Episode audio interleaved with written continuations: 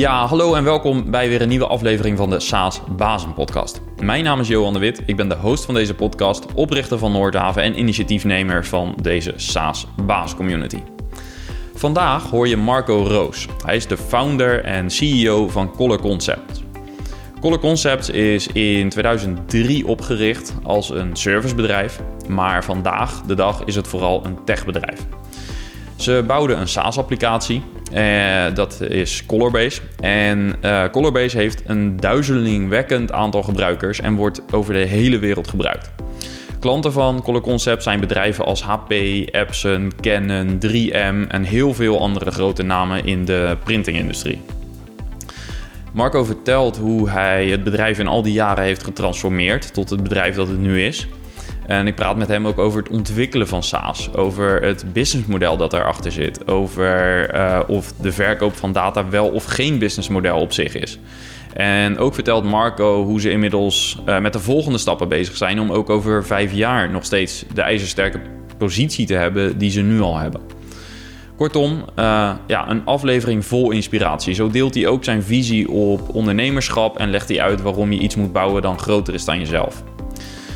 Nou, voordat we naar het interview gaan, uh, eerst nog een bericht van onze uh, partner Security. Security helpt SaaS-bedrijven met het beveiligen van applicaties. Het team van Security kijkt graag met je mee en brengt eventuele kwetsbaarheden, kwetsbaarheden in jouw software in kaart.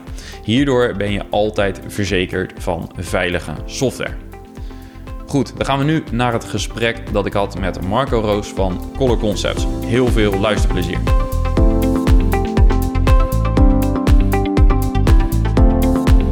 Ja, Marco Roos van Color Concepts. Van harte welkom in uh, deze aflevering van de SaaS Bazen Podcast.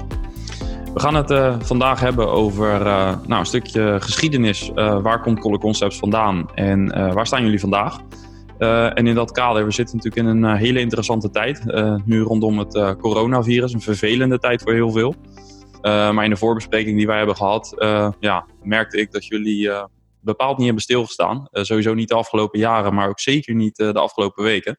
Dus uh, ja, het lijkt me leuk om ja, daar eens op in te zoomen. Wat hebben jullie de afgelopen weken gedaan om nou, de impact van het coronavirus, om, om daar juist goed op in te spelen? maar voordat we het daarover gaan hebben, zou je jezelf even kort kunnen voorstellen. Wie ben je en ja, wat doe je? Wat is je rol binnen, binnen Color Concepts? Ja, allereerst dank je voor de uitnodiging. Ehm, geweldige eer om uh, hier aan mee te mogen doen. Uiteraard. uh, nou, zoals je al zei, mijn naam is Marco. Uh, ik ben de oprichter, eigenaar, grote aandeelhouder van Color Concepts. 16, bijna 17 jaar geleden begonnen op zolder als een servicesbedrijfje. wij zijn gespecialiseerd in industrieel printen. en dat zijn printers die vanaf een meter tot uh, vijf meter breed uh, printen op uh, alles wat los en vast zit. Variërend van zelfklevende folie die je op bussen, treinen, trams, auto's vindt, tot textiel, sportkleding, vloeren, muren. ja, je kan het zo gek niet bedenken. onze klanten zijn de fabrikanten van printers en materialen. dus geen printbedrijven of mensen die bij ons prints kunnen kopen. Um, en wij zijn ja, van, een, van een servicesbedrijf wat uh, heel goed wist hoe die printers werkten. Uh, hoe, we, hoe we de combinaties van uh, al die verschillende, die duizenden verschillende soorten materialen, in combinatie met die tientallen soorten inkt en printers en parameters en settings, daar toch altijd weer de goede kleur en resultaten uit konden krijgen.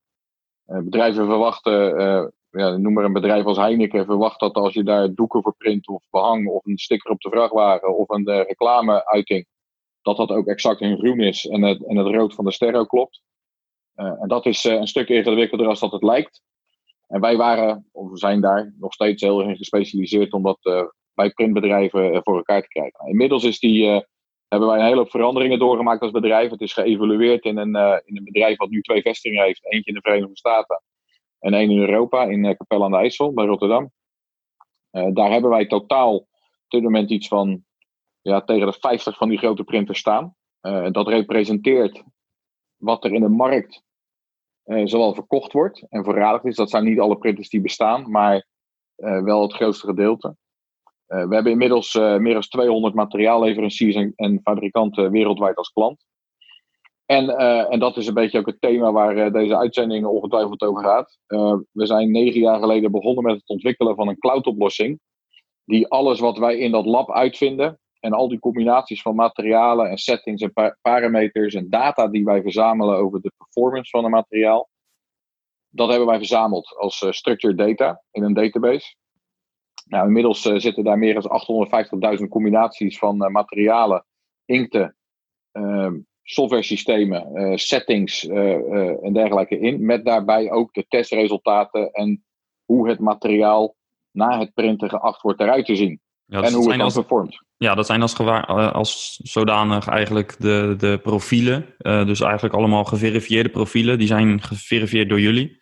Uh, En uh, op het moment dat een printshop een bepaalde opdracht moet printen met een bepaalde kleur op een bepaald materiaal, dan kunnen ze in jullie softwareoplossing terecht om daar het geschikte profiel op te halen. Ja.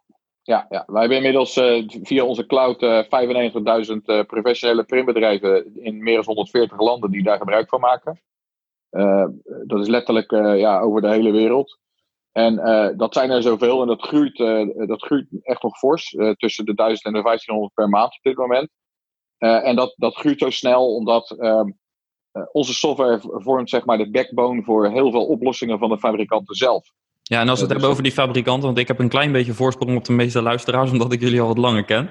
Ja. Maar even wat voorbeelden om het te verhelderen. dat zijn bijvoorbeeld HP, een beetje dat soort partijen. Canon, ja. Epson. Epson, ja. ja.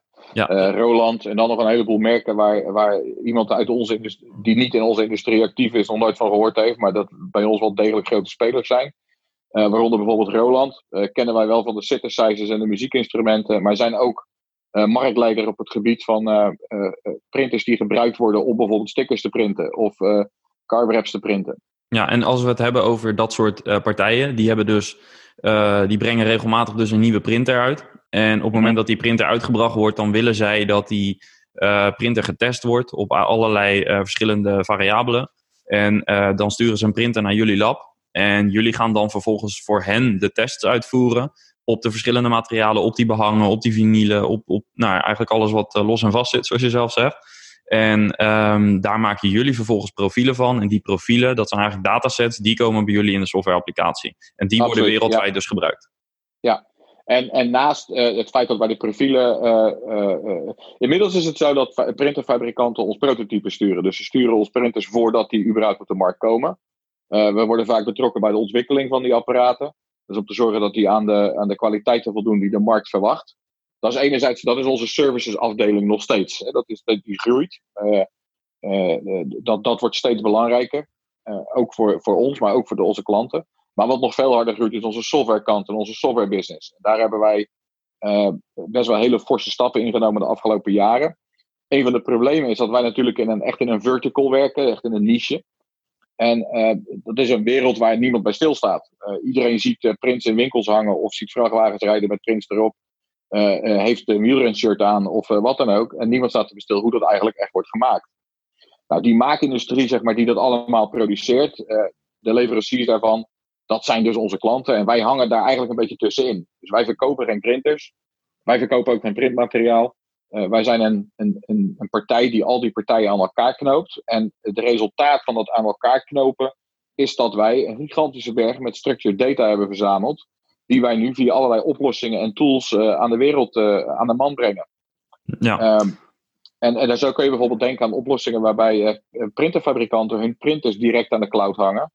En op het moment dat je een grote rol in zo'n machine laat, dat die zelf al vraagt wat is dat voor spul. En dat hij die, parameters direct uit de cloud ophaalt en zichzelf volledig automatisch instelt. Ja, en dat komt dus uit jullie applicatie. Ja. Absoluut, ja. ja. Uh, hoe is dit idee ooit ontstaan? Want dan gaan we even terug naar ongeveer 2003 volgens mij. Uh, toen begon je dus met het servicebedrijf. Uh, daar komt negen jaar geleden, zo ongeveer zei je, komt dan die applicatie bij. Ehm, wat, wat, hoe zag dat eruit in die eerste paar jaar? En hoe is het idee voor die softwareoplossing ontstaan? Nou, dat is eigenlijk... Het heet Color Concepts, omdat ik in de eerste week... dat het in zeven kleuren dun door mijn broek liep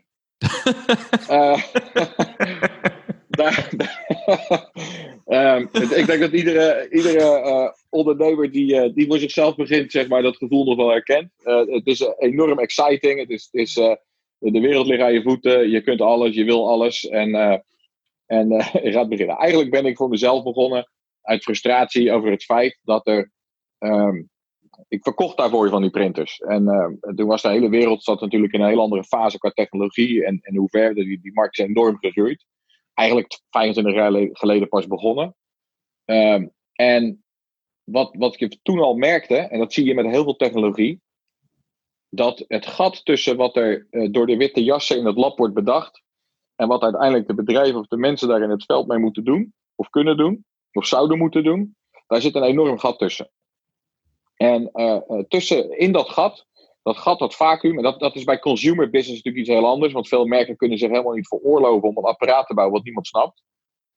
Uh, maar in, in, in business to business gebeurt er bij al te vaak dat er een stuk technologie wordt ontwikkeld, wat heel ingewikkeld is en waar eigenlijk de mensen maar voor 60, 70 procent gebruik van maken, van de mogelijkheden gebruik maken. En dat beperkt hun in de groei, in creativiteit, in, in efficiency. En noem maar op. Nou, wat er gebeurde in de beginjaren was dat printen was, was echt leuk. Het was groot, het was scherp, heel veel kleurtjes.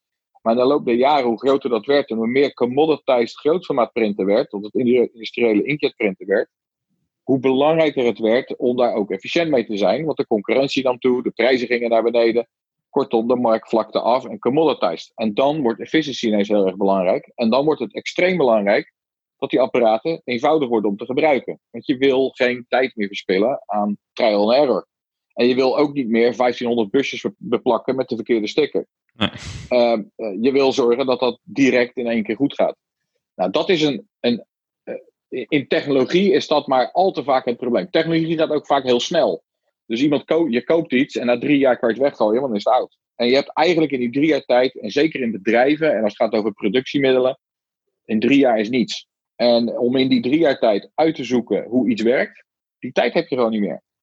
Dus het is cruciaal voor ook industriële of, of grotere uh, technisch complexe producten zoals die printers zijn. Um, en dan heb ik het niet eens over die hele wereld van materialen en inkt die erachteraan hangt, die, die dat allemaal nog veel complexer maken. Dan heb je geen tijd meer om het allemaal uit te vogelen. Dus je, je moet vanaf het begin af aan, moet je in één keer efficiënt kunnen zijn. En um, mijn visie was, dat, dat, dat je dat doet door educatie. Dus je gaat mensen dingen leren. Dat hebben we ook heel veel gedaan. In de eerste jaren uh, ja, had ik gemiddeld uh, eh, 100 vluchten per, per jaar. Tussen de 100 en 120 vluchten per jaar. Kwam ik in 80 landen. En uh, trainde ik duizenden mensen per jaar om uit te leggen hoe, hoe het werkt. Hoe, hoe je zo'n printer optimaal afstemt. Hoe je de kleur meet. Hoe je dat zorgt dat het goed komt. Hoe je het goed kunt houden. Maar goed, dat, dat, dat is natuurlijk water naar de zee dragen. Dat is, een, dat is iets wat nooit, nooit stopt. Nee, en niet schaalbaar is? Nee, totaal niet. En uh, dat was ook precies mijn gevoel. Dus toen ben ik begonnen met het opzetten van een, een lab. En uh, een, een, klein, uh, het was toen de eerste instantie natuurlijk nog heel klein, maar het idee was geboren om die printers naar ons te halen in plaats van dat ik naar de printer ging. En printer neergezet, materialen binnen laten komen, want de materiaalfabrikanten hadden we al als klant en met die printer aan de gang.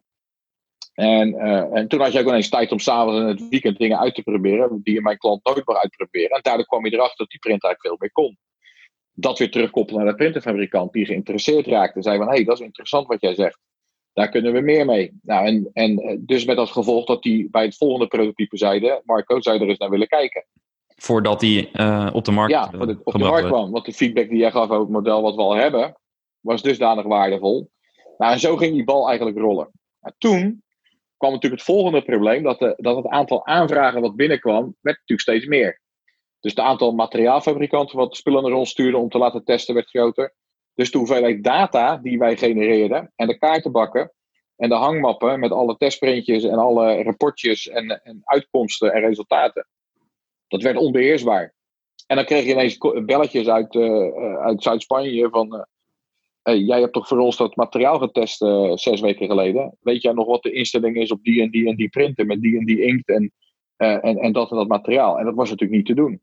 Uh, dus toen ben ik aan de slag gegaan om een database te normaliseren. Dat, dat, dat kende ik zelf nog, want ik heb een IT-achtergrond. Ik had dat ooit eens een keer geleerd. Afgestoft en dat gaan doen. Toen heb ik twee studenten ingehuurd om een, om een database te bouwen, zodat wij intern dingen konden opslaan. En ehm, dat werkte eigenlijk, dat zag er niet uit, maar dat werkte wel als een trein. Dus wij waren in staat. Dat, dat, dat was ook de geboorte van uh, wat nu Colorbase is, jullie ja, applicatie. Absoluut. Ja, ja. ja. En um, toen zat ik bij een grote klant, een materiaalfabrikant, Avery Dennison. En uh, geen klein bedrijf. En uh, enorme toko. En, en, en toen bleek dat die eigenlijk exact hetzelfde probleem hadden. Alleen op een ander level. Zij verkopen heel erg veel zelfklevende materialen. Net zoals 3M dat doet. Of uh, andere bedrijven zoals Orafol. Of, of Grafitype. Er zijn heel veel bedrijven die, die zelfklevende materia materialen maken. Veel van die bedrijven zijn miljardenbedrijven. Echt hele grote bedrijven. En ehm, wat daar bleek, is dat het hele thema rondom printerprofielen, dus dat zijn die, dat zijn die bestandjes waarin al die parameters verenigd zijn en die, die je in zo'n printer kunt laden, dat dat een thema is of een onderwerp is wat ze bij die materiaalfabrikanten ook helemaal niet begrijpen. En de enige reden dat ze er naar vragen of we er ons laten maken toen, was omdat iedereen er naar vroeg. Zonder profiel weet je gewoon niet wat die printer doet. En je weet ook niet wat die guru bij die klant aan het doen is. Dat weet je niet. Nee. Dus als die zegt, ja, jouw materiaal, joh, het plakt lekker, maar ik vind die kleur helemaal niks, het is mijn rood niet. Ja, dan heb je een, dat is een, dat is een non-topic discussie. Daar, daar kun je niks mee als materiaalfabrikant. Als verkoop van de materia materiaalfabrikant al helemaal niet.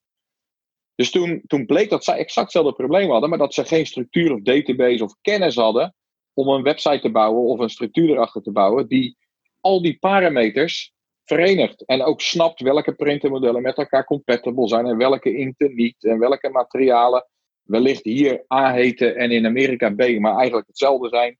Uh, uh, dat is een gigantische, veel, heel veel, veel, veel relaties binnen de materialen, binnen de printers, binnen de inkten, binnen de software. Dus een hele complexe materie waarbij je eigenlijk de kennis van zo'n guru, zoals de wereld mij toen zag, digitaliseert. Ja. En uh, hoe werkt mijn hoofd? En, en hoe kunnen we daar iets digitaals van maken? Nou, dat zijn we gaan doen.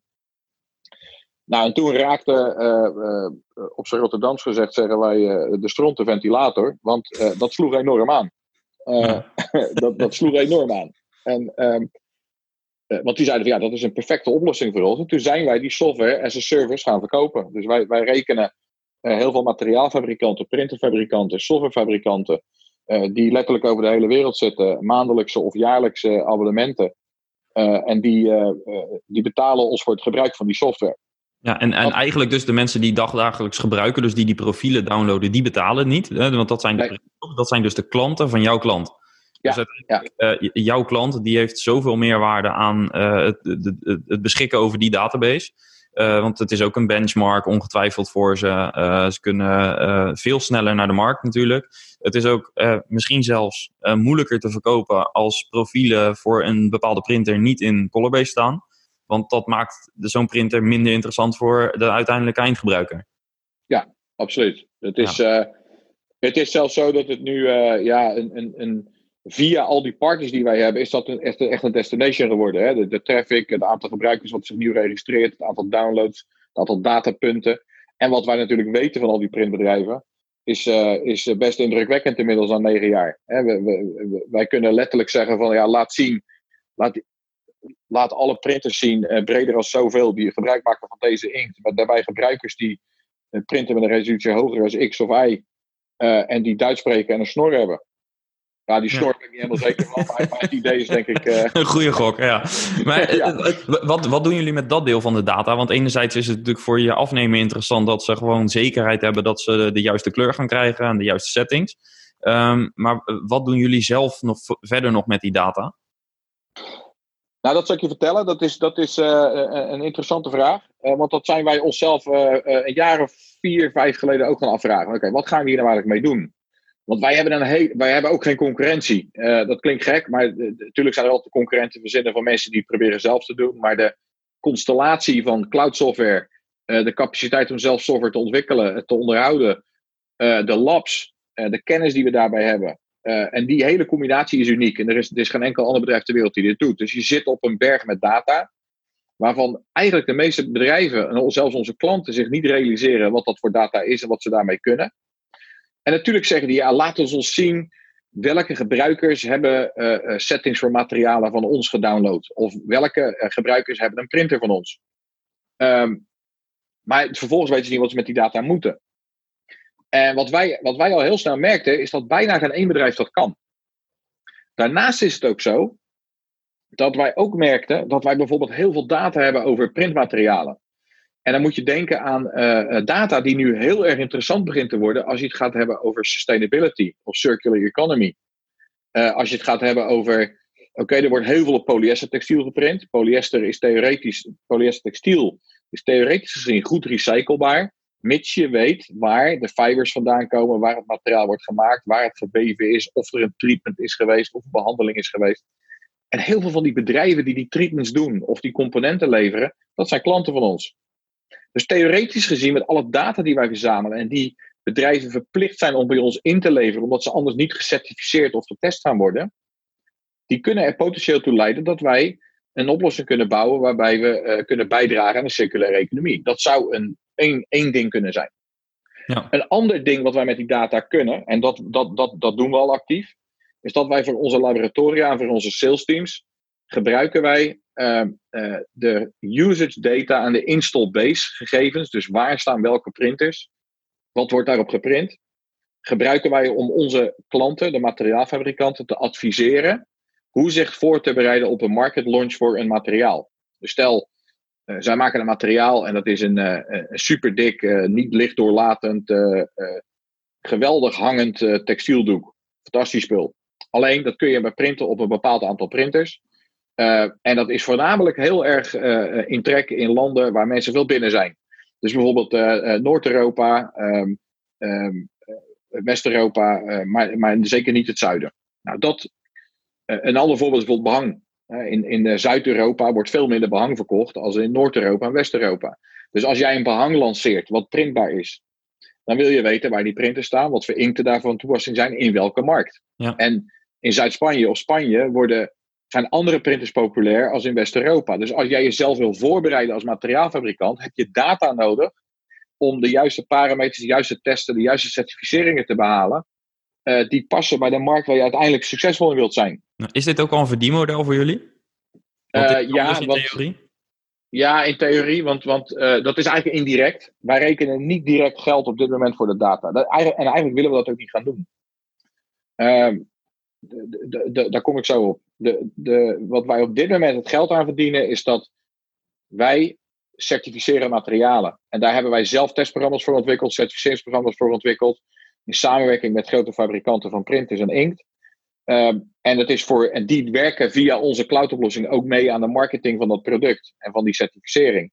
Dus die materiaalfabrikanten, eh, die willen als jij in Nederland of in Zweden of in Noord-Amerika of in eh, Mexico of in Australië of in Japan succesvol wilt verkopen, zul je daar een bepaald zegel of certificaat moeten hebben voor je materiaal. Dat geeft namelijk de eindgebruiker, het printbedrijf, het vertrouwen. Dit materiaal is getest en is goed. Precies, ja. En dat, is, dat, dat komt via ons. Ja, dus eigenlijk kunnen ze niet om je heen. Daar komt het even in, uh, ja, heel kort door de bocht komt het eigenlijk op neer. Ja, het is een, uh, het is een vriendelijk soort van, van, van vriendelijk soort van macht. Ja. En het is, het is, het is ook, een, om terug te komen op jouw vraag van data en het verdienmodel achter data. En kun je data verkopen en kun je daar wat mee? Ik denk persoonlijk, maar ik denk dat het ook een beetje afhangt van wat voor markt je zit en wat je doet. Als je kijkt naar bedrijven die data verkopen. Dus uh, stel, je gaat, uh, stel je zit in de consumentenmarkt en je verkoopt, je doet business to consumer en je verkoopt daar een product in de consumentenmarkt. Dan wil je weten van een straat, wat voor mensen wonen daar, wat is de gemiddelde inkomensklasse, wat voor auto's rijden ze, hoe vaak kopen ze een nieuwe auto, noem maar op. Als je een autofabrikant bent, is dat heel erg handig om te weten. Maar eigenlijk is dat een, een mechaniek wat eigenlijk consumptie aanwakkert. Uh, en uh, eigenlijk mensen pushen over de streep. Eigenlijk marketinggericht. En uh, daar kun je heel veel mee. Maar eigenlijk is al die data is allemaal gericht op marketing. En dat is iets wat in business to business, in onze markt, ook gebruikt wordt. in CRM-systemen en dat soort zaken. Alleen, ik denk dat zwaar overschat wordt wat die data waard is. Um, als het bij een bedrijf heel erg goed gaat en ze hebben het verschrikkelijk druk en ze verdienen heel veel geld, dan hebben ze er geld voor over. gaat het bij bedrijf wat minder. En als je kijkt naar de tijden zoals nu. Hè, dus we zitten nu midden in de. Het is, twee, het is uh, maart 2020. We zitten in de, in de coronacrisis, zoals die nu al genoemd wordt. Bedrijven hebben nu en tegenvallende omzetten. Uh, met een heel groot aantal bedrijven, laat ik het zo stellen. Hebben ineens mensen over. Ja. En, en ineens, kan het, ineens kopen die geen data meer, maar verzamelen ze het zelf knopen ze bedrijvensysteem aan elkaar. Dus ik weet niet, ik ben er zelf niet zo van overtuigd dat data verkopen een sustainable business model is. Ik denk dat het veel belangrijker is, en dat is veel meer onze filosofie, dat je één in staat bent om data te genereren. Uh, dat je dat doet op een manier uh, en dat je die in een plumbing, dus in een leidingwerk plugt, uh, wat connect. En ik denk dat het veel belangrijker is om het leidingwerk te bezitten. Ja, jullie hebben als het ware het ecosysteem. dat is Precies, uiteindelijk waar het nu om gaat. Ja. Jullie zitten eigenlijk, jullie, je, je bent eigenlijk een soort hub. Uh, zonder uh, zeg maar jullie software af te nemen, heb je eigenlijk als of materiaalfabrikant of als producent van een, een printer, sta je eigenlijk 1-0 achter. Daar gaat het om. En, en het verkopen van data is in die zin, dat zou een extra kunnen zijn, maar het zal nooit het primaire businessmodel zijn. Nee, en ik denk ook dat je met het verkopen van data, dat je daar uiteindelijk vroeg of laat uh, uh, altijd iemand. Waarbij, dat, is, dat is altijd een, een, een vaag grijs gebied, in, in, zeker in onze business model. Want mensen zeggen, ja, hoe kom je aan die data? Het is mijn data. Uh, van wie is die data? die hele discussie, daar heb ik eigenlijk niet eens tijd voor. Ehm, wat, wat wij gedaan hebben bijvoorbeeld, dat is een hele andere manier. Wij, wij hebben gezegd van laten wij, want wat wij doen is uniek. Um, maar je ziet ook dat de hele wereld wordt IoT. Hè? Dus, dus ook in grote industriële printers worden gekoppeld aan het internet. Ja. En uh, die praten allemaal een taal. En de hele taal die gesproken wordt over bijvoorbeeld printmaterialen, over inkten, over, maar ook je printer thuis. Hè? Dus je, je kleine desktopprinter die thuis staat, die, die praat uh, met het internet, haalt een driver op. En iedereen weet, ja, je stopt die USB-kabel in die printer. Die printer identificeert zichzelf. Er wordt een driver opgehaald. Die wordt geüpdate eens in de zoveel tijd. En daar, daar zit van alles in. Maar stop je daar een papier in wat je bij de Aldi hebt gekocht, of bij de Lidl, of bij de Albert Heijn, of bij de, de ACO, of wat dan ook, en je stopt dat in die printer, dan weet die printer niet wat dat is. Nou, er is een hele groep van printerfabrikanten, ook voor home en consumer gebruik, die daar iets aan willen doen. En uh, wij zijn jaren geleden uitgenodigd om deel te nemen aan een standaardisatiewerkgroep in Japan. Uh, om eens mee te denken over hoe kun je uh, de communicatie tussen aan het internet gekoppelde printers en een server. En dat hoeft dan niet per se Colabase te zijn. Uh, al is dat wel de enige die dat nu kan. Heel toevallig. Maar uh, die printer laten communiceren met de cloud. En hoe doe je dat? Nou, daar heb je een taal voor nodig. Zoals je bijvoorbeeld een taal hebt uh, die standaardiseert hoe USB-apparaten met elkaar praten. Of hoe TCP/IP werkt. Een protocol, ja, precies. Een protocol. En wat wij gedaan hebben, wij hebben daar een, een, een data scientist voor aangenomen. En die is inmiddels al bijna vier jaar aan het werk. En die heeft een, een, wat wij noemen een ontology ontwikkeld. En dat is een taal die omschrijft wat een printmateriaal eigenlijk is. En hoe het eruit zou kunnen zien, wat daar allemaal wel of niet mee kan. En welke uh, uh, parameters of eigenschappen van materialen met elkaar samenhangen, wat die met elkaar te maken hebben. Dus, dus stel bijvoorbeeld, je hebt een materiaal dat ken je wel van bussen of van, van trams. Daar, zit, daar kan een, een sticker op de ruit zitten. als je binnen zit, kijk je wel naar buiten, maar als je buiten staat, kijk je niet naar binnen. Nou, dat heet perforated window film. Daar zitten allemaal gaatjes in. En de lijnlaag van het materiaal is zwart. Of grijs, of blauw. En dat materiaal is een hele hoop soorten en maten te koop. Met grote gaatjes, kleine gaatjes, met grijze lijn, met zwarte lijn. Uh, dat is maar net van de, afhankelijk van de applicatie of de toepassing. Nou, op het moment dat jij materialen gaat opslaan in een database, en, en jij zegt dit is perforated window film, dan moet dat systeem eigenlijk ook weten wat voor meer parameters zij moeten vragen. En welke, set, precies, en welke settings precies. die dan zou moeten instellen. Ja. Nou, wat, wat wij gedaan hebben de afgelopen jaren is, de, is, de, is alles wat met materialen te maken heeft waar je eventueel op zou kunnen printen, hebben wij een abstract model van gebouwd. Een ontology. Die is omschreven, dat hebben we gedaan in een tool van Stanford University. We hebben die hele uh, ontology omschreven. En dat wordt nu ook een ISO-standaard. Een groot deel daarvan wordt publiek. En er wordt ISO-standaard 12954. Hij is al door de ballot, dus we zijn hem nu aan het schrijven.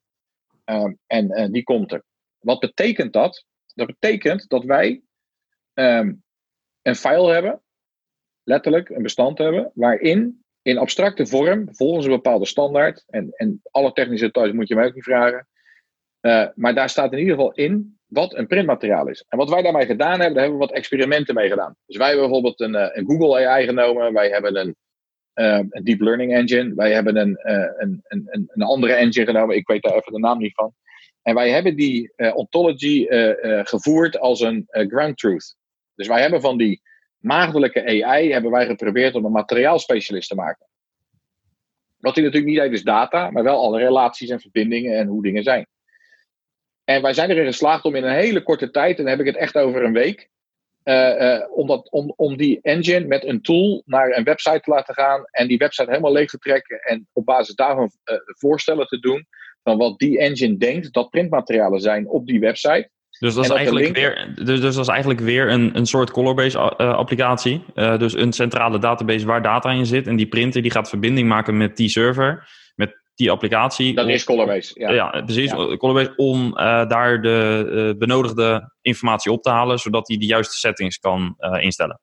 Ja, ja, ja, ja. En dat is wat nu al gebeurt hè, met Colorbase. Alleen is dat voor, voor grote industriële printers. er zijn diverse printerfabrikanten en ook softwarefabrikanten die al direct aan onze cloud hangen aan Colorbase en die dat nu al doen.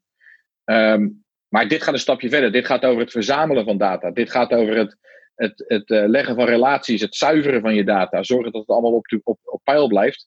En ook uh, in staat zijn om heel snel te kunnen schakelen. En dat is waar wij de afgelopen jaren uh, de volgende evolutiestap hebben gemaakt in, in het bedrijf. dus allereerst services in het veld, on-site, de wereld over reizen naar een lab. Van een lab naar een lab plus uh, softwareontwikkeling in de vorm van een cloud software en SaaS, dus de software over, service. Als we dit even in periodes moeten schetsen, dan heb je het tot 2010 zo ongeveer uh, over services en het lab, uh, wat toen is opgericht. En ja. de software zelf, Colorbase, is tien jaar geleden ongeveer. Ja, negen jaar geleden begonnen met ontwikkelen en iets bijna een jaar later, dus acht jaar geleden, hebben we de eerste versie gelanceerd voor klanten. En ja, inmiddels hebben, zijn wij begonnen met het ontwikkelen van een geheel nieuw platform. Uh, wat exact hetzelfde doet en veel meer. En waarbij, zeker toen we acht, negen jaar geleden begonnen met cloud software te bouwen, ja, toen was cloud bestond eigenlijk nog niet zo. dus dat, dus we hadden Microsoft SQL Server staan met allerlei uh, lagen erop en beveiliging en firewalls om te zorgen dat we met het internet praten. Ja, en, en, als, als, en als je even kijkt naar de, de business impact, zeg maar. Dus, dus uh, al zou je uh, die drie tijdperken moeten schetsen, hè, dus volledig services. Uh, services in combinatie met een lab. en vervolgens een lab in combinatie met de applicatie. Als je het in die drie onderdelen zou splitsen. als je een omzetverdeling zou moeten maken, welke percentages hebben we het dan ongeveer over in, in die periode? In die periode was, waren, kijk, vanaf 2003 tot uh, de eerste versie uh, van, uh, van Colorbase was dat. Nou, nadat we de eerste, de eerste vier jaar van Colorbase, zeg maar, dus vanaf 2008 tot 2012 ongeveer, was software 10%, 15% van de omzet. Nu is het meer dan 50% van de omzet. Ja. De SaaS. Hè, en, en, maar ik moet daarbij zeggen, dat als onze omzet in SaaS stijgt, stijgt de omzet aan de serviceskant ook. Ja, omdat datgene wat je in die SaaS-oplossing aanbiedt, dat wordt uh, voor door de services gemaakt. Precies. Precies. Ja. Zit daar ook nog een bepaalde uh, ja, begrenzing aan de schaalbaarheid? Ja, uh, dat zit hem. Het, het, de schaalbaarheidsproblemen in software hebben we niet. Waar we wel schaalbaarheidsproblemen hebben, is natuurlijk in het lab. Ehm, het werk wat daar gebeurt is, uh, is inmiddels wel echt uh, heel erg procedureel vastgelegd. Dus dat, dat is uh, met de experts die wij nu hebben lopen, de ervaren mensen die we daar nu hebben, is het relatief makkelijk om nieuwe mensen te trainen en, die, en delen van de procedure te laten doen. Of wat. Daar is een, hebben we voor zich geïnvesteerd in de afgelopen jaar, ook vooral in operationeel management, in, in procedures. Dat, dat zijn ook dingen waar ik me niet meer mee bezig hou zelf. Uh, daar ben ik ook gewoon niet goed in. Ik ben geen manager. Ik ben, ik ben, ik ben meer een idioot die het risico neemt. En uh, voor de troepen uitloopt. En allerlei dingen bedenkt. Met klanten praat. De wereld overreist. En, uh, en, en goed luistert naar. En, en ik denk altijd te weten wat iemand nodig heeft. Dat is ook een beetje mijn manco.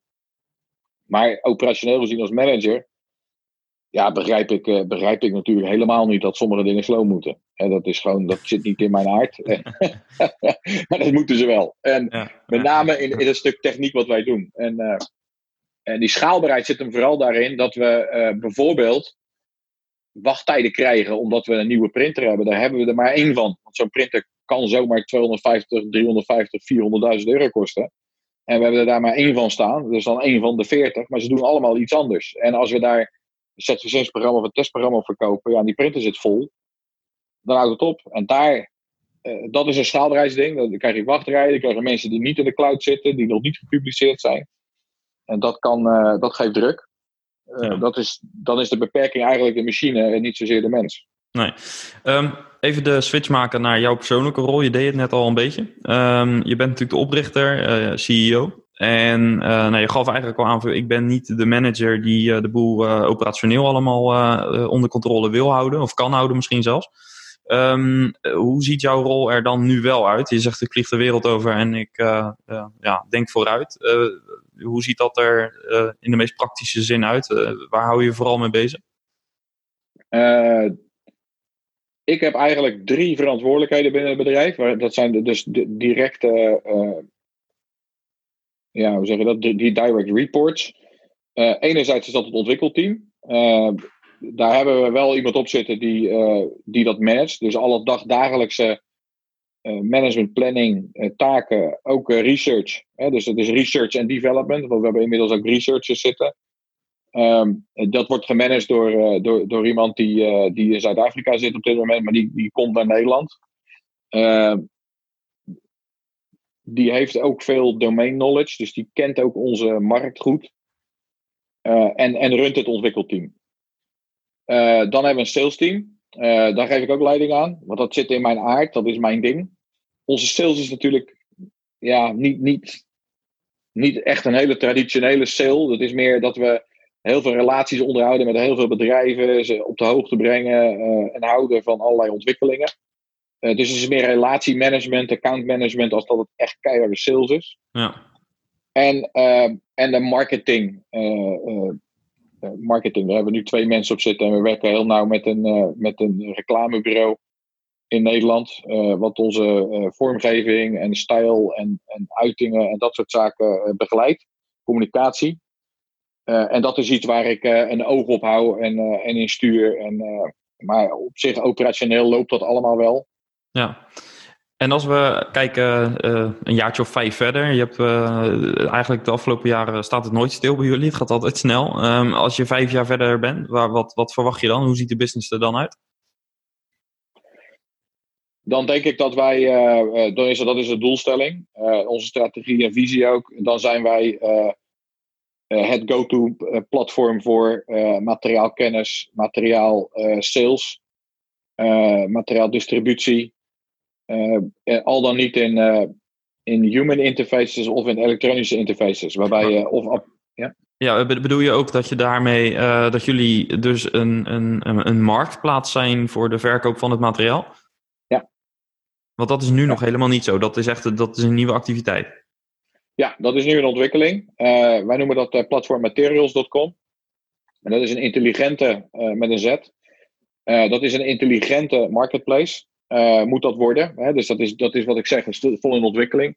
Ja. Het is een geregistreerd handelsmerk van Color Concepts, maar de website is in handen van iemand die er een spelletje op heeft staan. Dus dat is nog een hele juridische strijdjes eraan de gang. Oh, leuk. Um, ja, dat is een heel gedoe. Uh, maar uh, daar komen we uit. Dus iedereen die nu surft naar materials met een z.com, die komt uit op een spelletje dat heet Identity Crisis. Heel toepasselijk. Daarom zullen ze het denk ik opgezet hebben. maar daar wordt, daar wordt heel vervelend gedaan. Maar um, ja, die marketplace, het doel van die marketplace is om heel intelligent te zijn. En uh, ik denk zelf, uh, de, de, de mensen die we de afgelopen tijd hebben aangenomen, hebben ook allemaal universitaire of HBO-achtergrond, uh, stuk voor stuk. met mensen die, die finance gestaan hebben op Nijrode bijvoorbeeld, dat, dat soort mensen nemen wij nu aan. Dus dat is een heel ander level en niveau binnen het bedrijf ook, om ons voor te bereiden op die stappen. Ehm, en uh, op dit moment werkt het development team ook aan de ontwikkeling van die mark marketplace, die volledig geïntegreerd is in, in Colobase, in de nieuwe versie van Colobase. En ook gebruik maakt van al die data door middel van allerlei slimme tools. Dus bijvoorbeeld mensen voor te stellen welk materiaal te nemen voor een bepaalde opdracht, omdat ze daar nu eenmaal een bepaalde kleur voor moeten printen. Of uh, uitrekenen hoeveel rollen je nodig hebt voor een opdracht. Dat klinkt heel simplistisch, uh, maar dat zijn problemen op dit moment in de markt die wij denken uh, heel makkelijk op te kunnen lossen.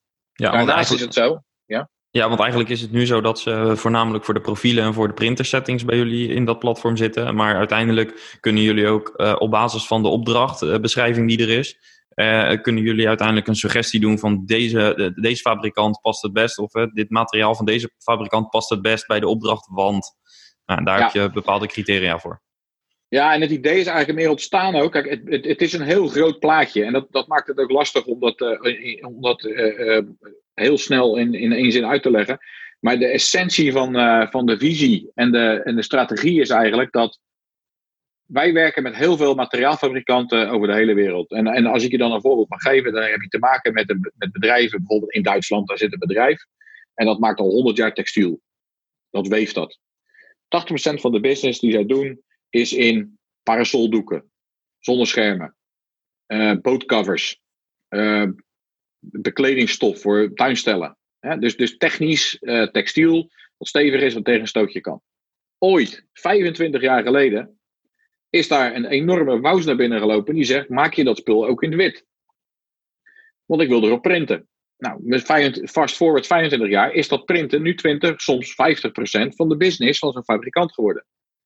En ook heel veel van de traditionele markten die ze altijd al bedienden, uh, ja, die zijn nu ineens digitaal geworden. Dus je kan nu uh, je zonnescherm op maat bestellen met een patroontje erop wat jij wil, omdat digitaal printen bestaat. Dat was vroeger niet. Behang ook. Je kan nu behang op maat krijgen. Ja, dat, is, dat, is, dat, dat zet die behang producerende industrie natuurlijk op zijn kop. Het probleem wat al die mensen hebben, of die bedrijven hebben, is dat het productiebedrijven zijn. En productiebedrijven die produceren met containers tegelijk. Die containers worden geleverd aan distributeurs of resellers. En in de tijd dat die markt zo hard aan het groeien was, was dat fantastisch. Want die hadden de lokale kennis en die had je ook echt nodig. Je moest een goeroe zijn om zo'n grote printer aan de praat te helpen. En dat was niet makkelijk. Dus je had een steunpunt nodig in elk land in de wereld om jouw materiaal, materiaal daar verkocht te krijgen. Wat natuurlijk gebeurde, is dat die partner in zo'n land kreeg heel veel macht over het merk. Dus dat, en heel vaak gebeurde het ook dat ze dat onder eigen white label naam verkochten. Dus dat, niemand kende dat merk eigenlijk. Dat merk bestaat in het land helemaal niet, omdat het onbenoemd wordt door een lokale partner die heel veel macht heeft. Nou, inmiddels is het zo, ook dankzij onze technologie en ons platform, dat printen heel makkelijk is geworden. Eigenlijk kan nu iedereen een groot van printer kopen. En van bepaalde merken is het zelfs zo dat ze het volledig automatisch doen, dankzij onze oplossingen en programma's en testen. Uh, maar, maar voor heel veel printers kun je ook surfen naar de website van de printerfabrikant of de materiaalfabrikant. En vind je alle instellingen die jij nodig hebt om een goede print te kunnen maken. Je hoeft geen roer meer te zijn. Dat betekent dat die toegevoegde waarde voor die lokale partner ook een hele andere is geworden. Die is veel meer komen te liggen op logistiek, op snelheid, op altijd kunnen leveren, flexibel kunnen zijn. En ook voorfinancieren van wat die end user niet in één keer wil betalen. Betalingscondities.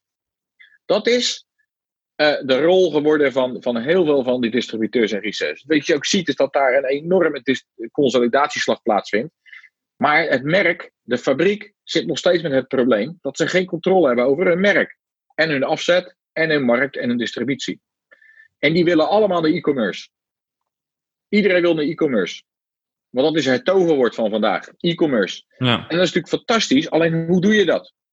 Want je hele marketing verandert. Je hele communicatie verandert.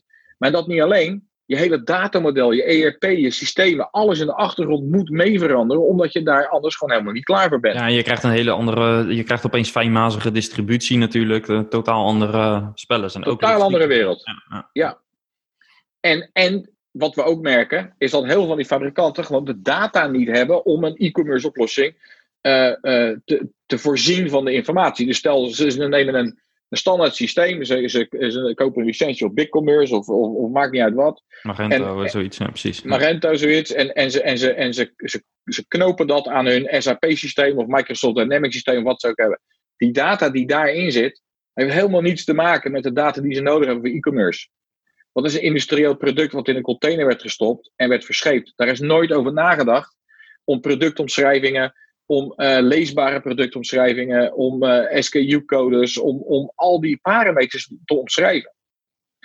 Nou, de, de grap is, de grap, de, de, onze visiestrategie is al die jaren geweest. Wij hebben al die data al die jaren verzameld.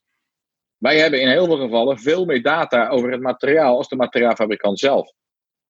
En wat we ze nu bieden, is die ontology in combinatie met onze datastructuur. En zeggen tegen van, joh luister, wij kunnen jullie helpen om een hele grote slag te maken in de modernisering van je ERP, in het systeem in de achtergrond. En dat direct te koppelen aan een marketplace die gebouwd is om dit soort materialen en oplossingen te verkopen. Dus het geeft de eindgebruiker advies. Ja. Het voorkomt dat de eindgebruiker het verkeerde koopt. Het automatiseert een heleboel stappen in de vorm van de informatie die je moet laten zien, die relevant is. Materialen die helemaal niet kunnen op de printer die de klant heeft, wil je niet eens laten zien. En dat klinkt simpel om, dat, uh, om daar even een filtertje voor te bouwen. Maar dat is het niet als je praat over honderden printers in combinatie met duizenden parameters. Ja.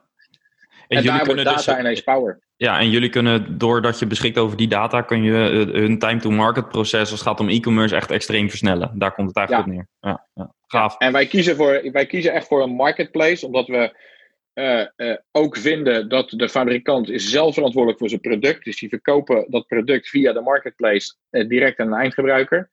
wij kunnen hen helpen met het hele proces eventueel aan te sluiten op alle logistieke partners die zij nodig achten of hebben of zelfs al zijn.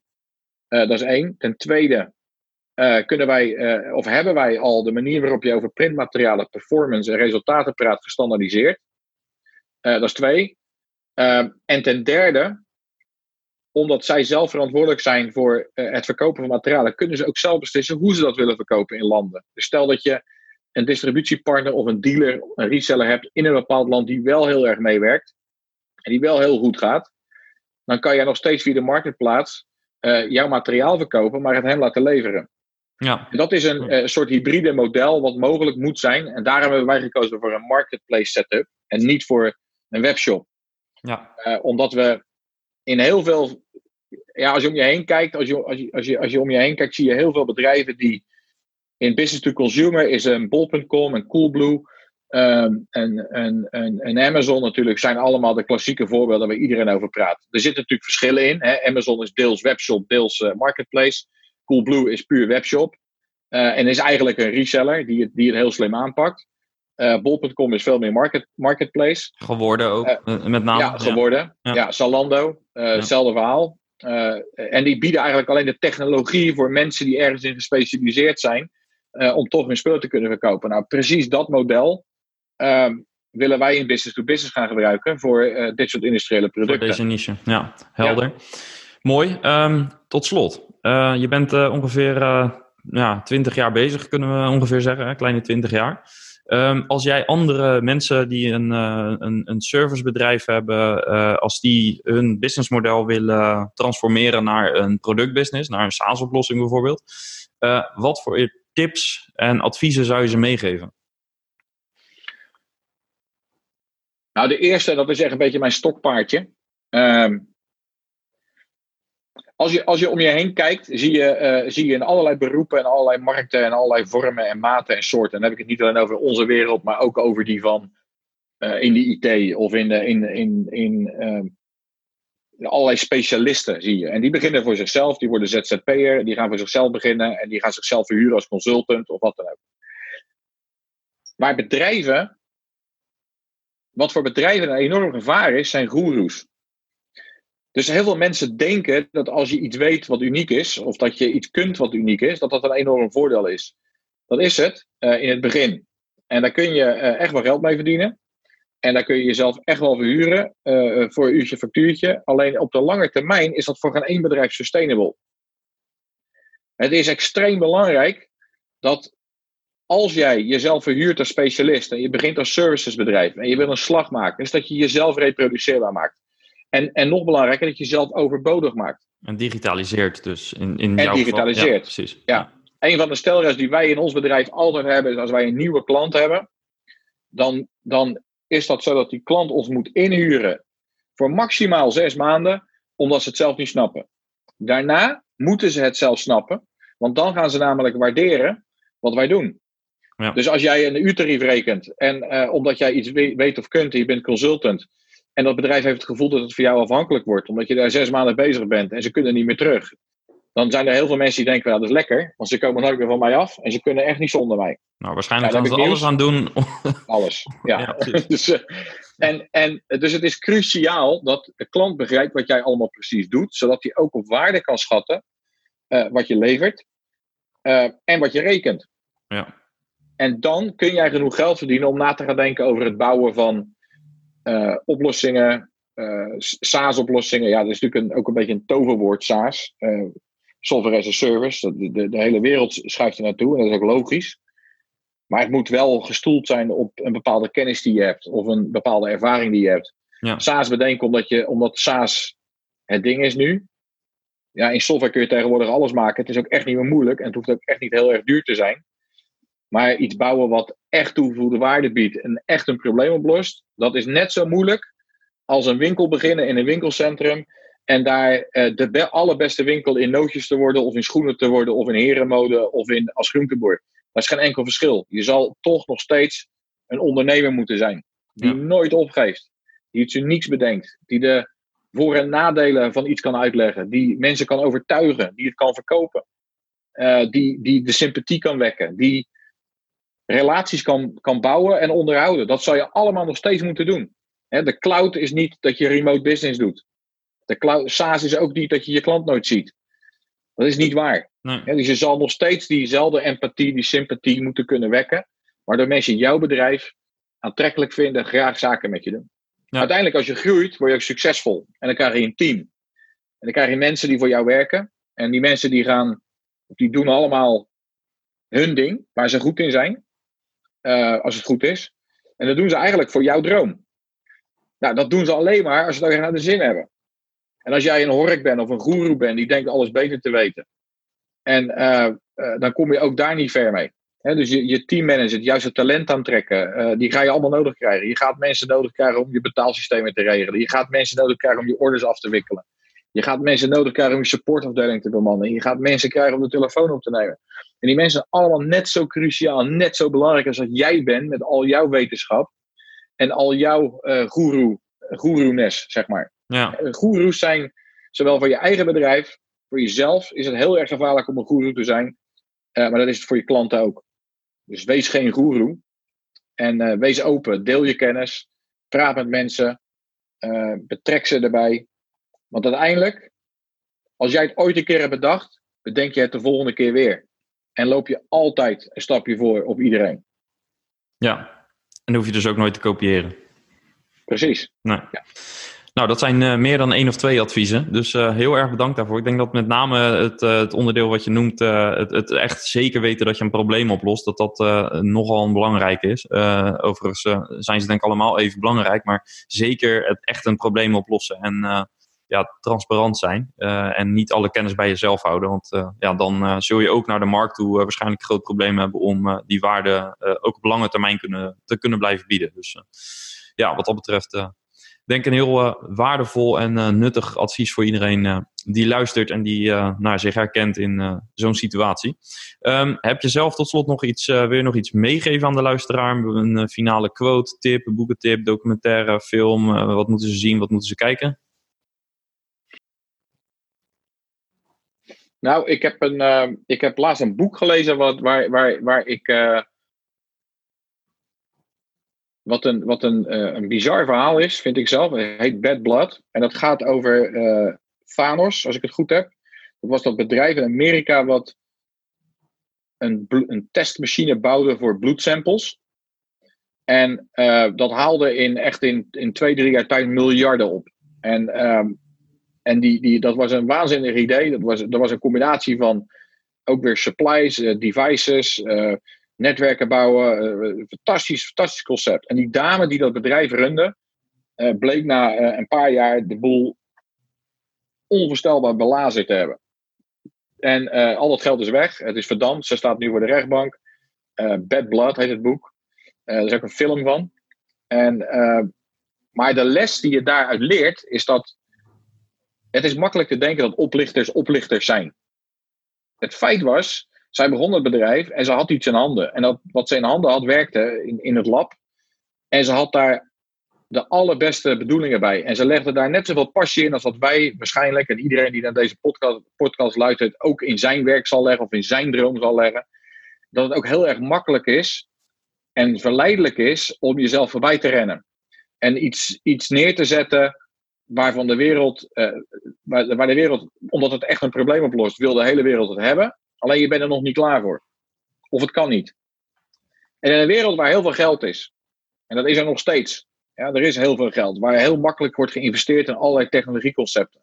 Waarbij SaaS een toverwoord is en cloud een toverwoord is, is het relatief makkelijk voor ondernemers om, om geld op te halen om dingen te doen.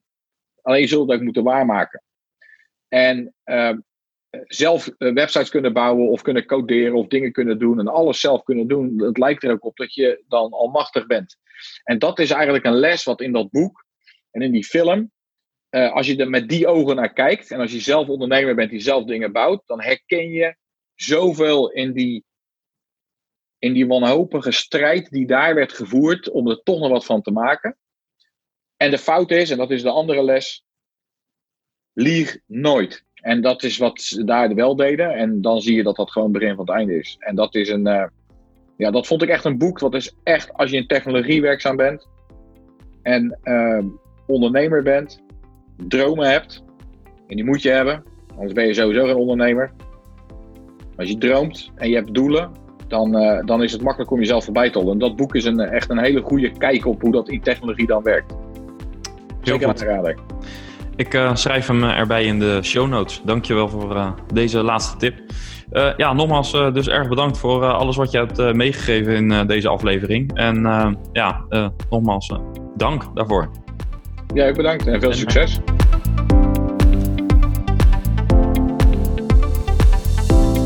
Yes, en dat was dus weer een uurtje woordenvol inspiratie als je het mij vraagt. Gaaf om te zien hoe een servicebedrijf in een specifieke niche uitgroeit tot, uh, nou ja, als het ware, een ecosysteem binnen die markt. Het vereist leiderschap, moed en visie om daar te komen. En met de tips van Marco, uh, of die hij deelde, kun jij uh, wellicht ook zo'n stap zetten. Wil je in contact komen met meer inspirerende SaaS-bazen zoals Marco? Meld je aan voor de SaaS-bazen community. Een besloten online community voor beslissers in de SaaS-wereld. Binnen de SaaS-bazen community kun je je kennis en ervaring met elkaar uitwisselen en bovendien plaatsen we vanuit Noordhaven regelmatig nieuwe interessante en exclusieve content in de community. Ook kun je deelnemen aan webinars en andere live en online events. Kortom, een broedplaats voor SaaS-succes. Je kunt de uh, community vinden op community.saasbazen.nl. Tot slot, heb je inspiratie gehaald uit deze aflevering? Laat een review achter of stuur deze aflevering door naar een SaaS-baas uit jouw netwerk. Voor nu, heel veel dank voor het luisteren. Graag tot de volgende keer. Ciao!